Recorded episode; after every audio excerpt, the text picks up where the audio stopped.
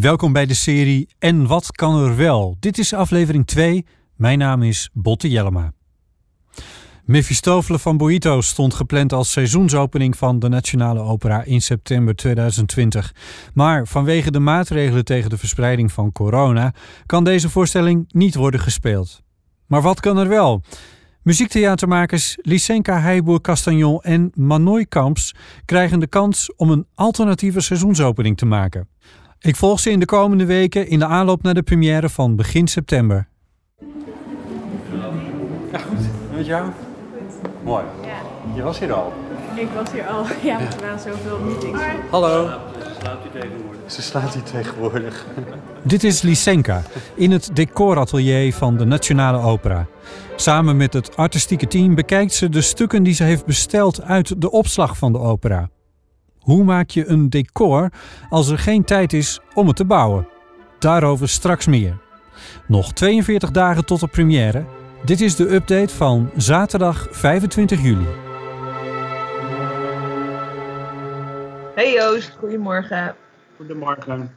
Hallo. Manoy, Lysenka. Nou jongens, het was een Ah, fijne grote club zo bij elkaar. Hey. Ik laat nog even Antonio toe, dus dan switchen we ook meteen naar Engels. Eens in een paar dagen is er een update-sessie via beeldbellen. Wat is de stand van zaken? Wie heeft wat nodig? Wat moet er wanneer in welke zaal zijn? En wanneer kan het wel? Onder aanvoering van Anne van Doorn, productieleider bij de Nationale Opera, wordt de stand van zaken doorgenomen. Anne bezit de unieke gave om iets wat in mijn ogen een logistieke nachtmerrie is, met een brede en geruststellende glimlach tegemoet te treden. Maybe then for now, um, Lysenka, can you tell us a little bit where you stand, how you are, things like that? Um, I'm good. Thank you for asking. We had um, a long weekend, uh, including Monday, of really intensive talks, um, brainstorms. Lysenka heeft het hele weekend doorgewerkt met intensieve gesprekken en brainstorms. Um, and last week we had a conversation about, especially the first week in rehearsals, where there's not really a lot of space in the building. Het wordt een enorme puzzel straks bij de repetities in huis bij de Nationale Opera. Niet alle ruimtes zijn beschikbaar, niet overal kunnen decorstukken in en er is nog iets met onderhoud aan de vloer van het grote podium in deze periode. Uh, so I think this is something for everyone to be aware of because since I don't know exactly what we will be doing the first week, and also since all the props and and stage elements that we chose will be a huge inspiration, it's important to have them into in the room. Ze heeft de decorstukken wel in de ruimte nodig, omdat het belangrijke inspiratiebronnen zijn. But there are too many to have them in the room all the time. So, yeah, Maar dit werk is gesneden koek voor de mensen achter de schermen van de Nationale Opera. Zoals voor eerste voorstellingsleider Joost Schoenmakers. Lysenka, and we know that that's the problem, but this is this is the problem always when we start the first production of the season. yeah. Of course, there's ma- maintenance in the building, and most of the time we can find solutions. So Yeah. we're really going to try. So Thanks. En alsof het niet al ingewikkeld genoeg is om een complete seizoensopening in een paar weken uit de grond te trekken, komen daar de maatregelen tegen het verspreiden van corona ook nog eens bij. Yeah, Yeah. also just to say and to have everyone be aware of the fact that, you know, if the show start and a singer falls ill, this is not really something that you can just have someone else sing a score or something and have the directing assistant walk the part. I mean, it's pretty it's pretty vulnerable what we are doing. So um, yeah, that was on my mind. Manoy en Lysenka, de makers van Faust Working Title, zijn zowel privé als in hun werk behoorlijk uitgesproken. Lysenka als feminist en Manoy als queer. Het Parool noemde Lysenka vorig jaar vertegenwoordiger van de vierde feministische golf. En Manoy had in het concertgebouw na afloop van het dirigeren bij het applaus halen het pak verwisseld voor een galajurk. Hen gebruikt liever genderneutrale voornaamwoorden. Queer is een soort seksualiteits- en genderpunk. En dus, als je dan helemaal zelf een voorstelling mag samenstellen, met de aanwezigheid van een ooit al geschreven libretto, en je bent feminist en queer, dan zien we dat vast ook terug. Even heel plat gezegd is er een podium waar onze stemmen eigenlijk, ehm, of, of wij eigenlijk bepalen wat daar te zien is. En dat is als je in je uh, beroepspraktijk bezig bent met het ontmantelen van een bepaald systeem, komt ook je rol als regisseur en als dirigent, uh, die komt ook in een soort crisis. En ik denk dat dat een crisis is waar we uh, voor altijd mee bezig zullen zijn. Uh, want tegelijkertijd ben je bezig met proberen een systeem te ontmantelen. Uh, dat kan iets heel kleins betekenen, als dat we bezig zijn met opera-repertoire als monument. Maar veel groter. Um, als we het hebben over systemisch racisme of seksisme. Als je daarmee bezig bent, moet je ook constant je eigen rol daarin bevragen. Dus ja, dat, daar zijn we zeker mee bezig. Ja, dat zijn we natuurlijk niet alleen maar nu, maar dat is precies wat je uh, bedoel, dat zijn we eigenlijk altijd. Alleen omdat ineens die enorme verantwoordelijkheid bij ons kwam te liggen, dachten we van ja, dan, dan willen we daar natuurlijk wel iets mee.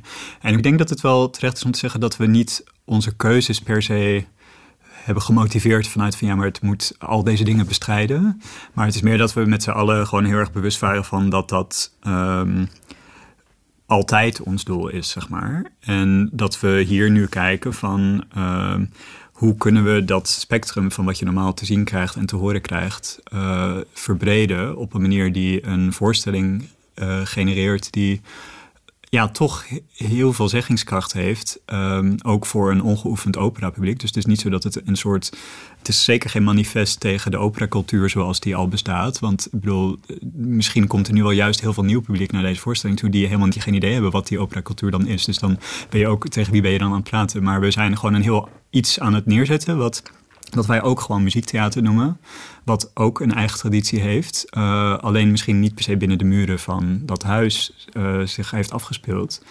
En puur als je kijkt naar die soort van die uh, standpunten die wij als ware innemen, of die wij vertegenwoordigen, is eigenlijk beter om te zeggen. Mhm. Dan zie je dat wel terug in, nou ja, in, de, in de thema's die we proberen aan te snijden, in, in de teksten van de stukken die we kiezen, of kijken naar wie zijn de componisten en de arrangeurs van de stukken die er worden uitgevoerd. Um, in welk opzicht kan, ja, kun je dat een beetje anders maken dan wanneer je alleen maar componisten uit de 19e eeuw zou hebben, die toch een vrij homogene groep zijn. Um, enzovoort, enzovoort, enzovoort. Dus eigenlijk op alle niveaus proberen om net even wat andere keuzes te maken dan misschien uh, door de jaren heen standaard is geworden.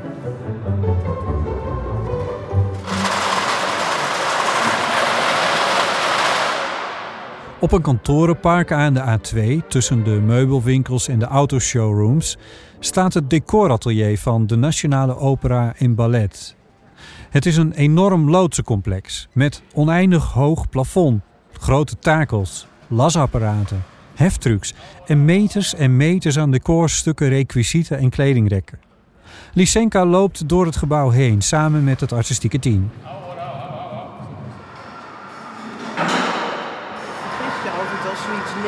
Ja, het is echt veel groter. Piep, piep, piep. Ja, maar goed, die, die twee vormen naast elkaar, dat werkt toch wel. Ja. Zeg maar, ook omdat die wenteltrap zo open is. Ja. Gaat, het werkt wel. Ja. Een wenteltrap. Ooit in een voorstelling gebruikt om acteurs achter op het podium weer naar beneden te kunnen laten komen. Nooit in beeld geweest. Komt nu prominent op het podium te staan. Oh, echt fantastisch. Ja, Het is een verplaatsbare tuin. Ja. Mag hier ook ertussen staan? Of is dat gaan staan? Nee, dat kan het wel hebben. Een plaat met namaakbloemen. Ja, dat staat. Echt zo. Nou, ik zie al wat jij, de, wat jij de komende drie weken, vier weken lang gaat doen. Blij. Ja, je eigen tuin. Lysenka gaat er helemaal in op. Die zijn echt heel heftig. Een groot schavot, gemaakt voor een voorstelling waar kennelijk veel bloed vloeide. Het zit vol overdreven grote rode vlekken. Je bent in het decor van een operahuis of je bent het niet natuurlijk. Lysenka en het team worden enthousiast van wat ze zien. Ja, Het is, het is zo bizar dat je dit drie weken geleden zegt, of twee weken geleden, Dat en dat het er gewoon staat. staat. Ja. Het is echt fantastisch. Echt Nee, een er zijn toch ook meer mo- scen- scenische mogelijkheden dan ik denk. Weet je? je kan ook iemand daarboven laten staan, iemand op de wenteltrap. Of je kan ook zeggen, je hebt op twee niveaus op de wenteltrap mensen. Wat decor betreft, ehm, daar eh, zijn we aan de slag gegaan met producties die sowieso ehm, zouden worden weggegooid. Uh, dus daar we. Decorstukken bedoel je? Ja. Ehm, dus daar mochten we gewoon eigenlijk, ja, als een soort snoepwinkel mag je kiezen van wat moet er nog even langer uh, in de opslag blijven. Dus eigenlijk op alle fronten van het proces hebben we enorme beslissingen gemaakt. Zonder dat ik zelf bijvoorbeeld al precies weet wat ik daarmee ga doen. Maar we laten ons denk ik ook enorm inspireren door dat materiaal wat er al is. En op een bepaalde manier ook het archief uh, wat er is bij de opera. Um, dat idee van dat archief, dat is best wel wezenlijk geworden. Omdat uh, enerzijds hebben we het dus over, over de geschiedenis. En wij kijken dus nu een beetje, heel plat gezegd, naar eventuele ja, andere geschiedenissen uh, die misschien minder prominent zijn of misschien zelfs uh, her reimagined zijn, zeggen we eigenlijk de hele tijd tegen elkaar. Dus ook de geschiedenissen die misschien niet geschreven zijn, maar er wel waren, hoe kun je die misschien voor de geest halen? Uh, maar daarmee maken we ook gebruik van alle archieven die er zijn. Dus ook de archieven van ons als uitvoerende en als makers. En ook letterlijk van de mensen op het podium die ook gevraagd worden om dingen bij te dragen. Dus dat soort gesprekken hebben we de afgelopen week uh, bijvoorbeeld heel veel gehad. Van wat kun je eventueel nog bijdragen zelf, wat we zelf niet zouden kunnen aanleveren. Maar ook dus letterlijk dat we het archief van DNO zelf gebruiken. Dus dat er letterlijk is gezegd van hier is het decoratelier met uh, de opslag en kies maar bij wijze van spreken. en hetzelfde met de kostuums en zelfs met de opname van... Ze hebben een opname in het archief van een vorige uitvoering van Mephistopheles. En die gaan we ook in de productie gebruiken. En dan is er nog een enorme bol, een wolk, een vliegtuig en een draaischijf. Hoe ze dat ooit allemaal naar het centrum van Amsterdam krijgen, is mij toch nog steeds een raadsel. Over een week weer een nieuwe update over deze bijzondere productie van de Nationale Opera. Dan zijn we een paar dagen verwijderd van de eerste repetitie in huis bij de Nationale Opera. Met decor. Waarschijnlijk.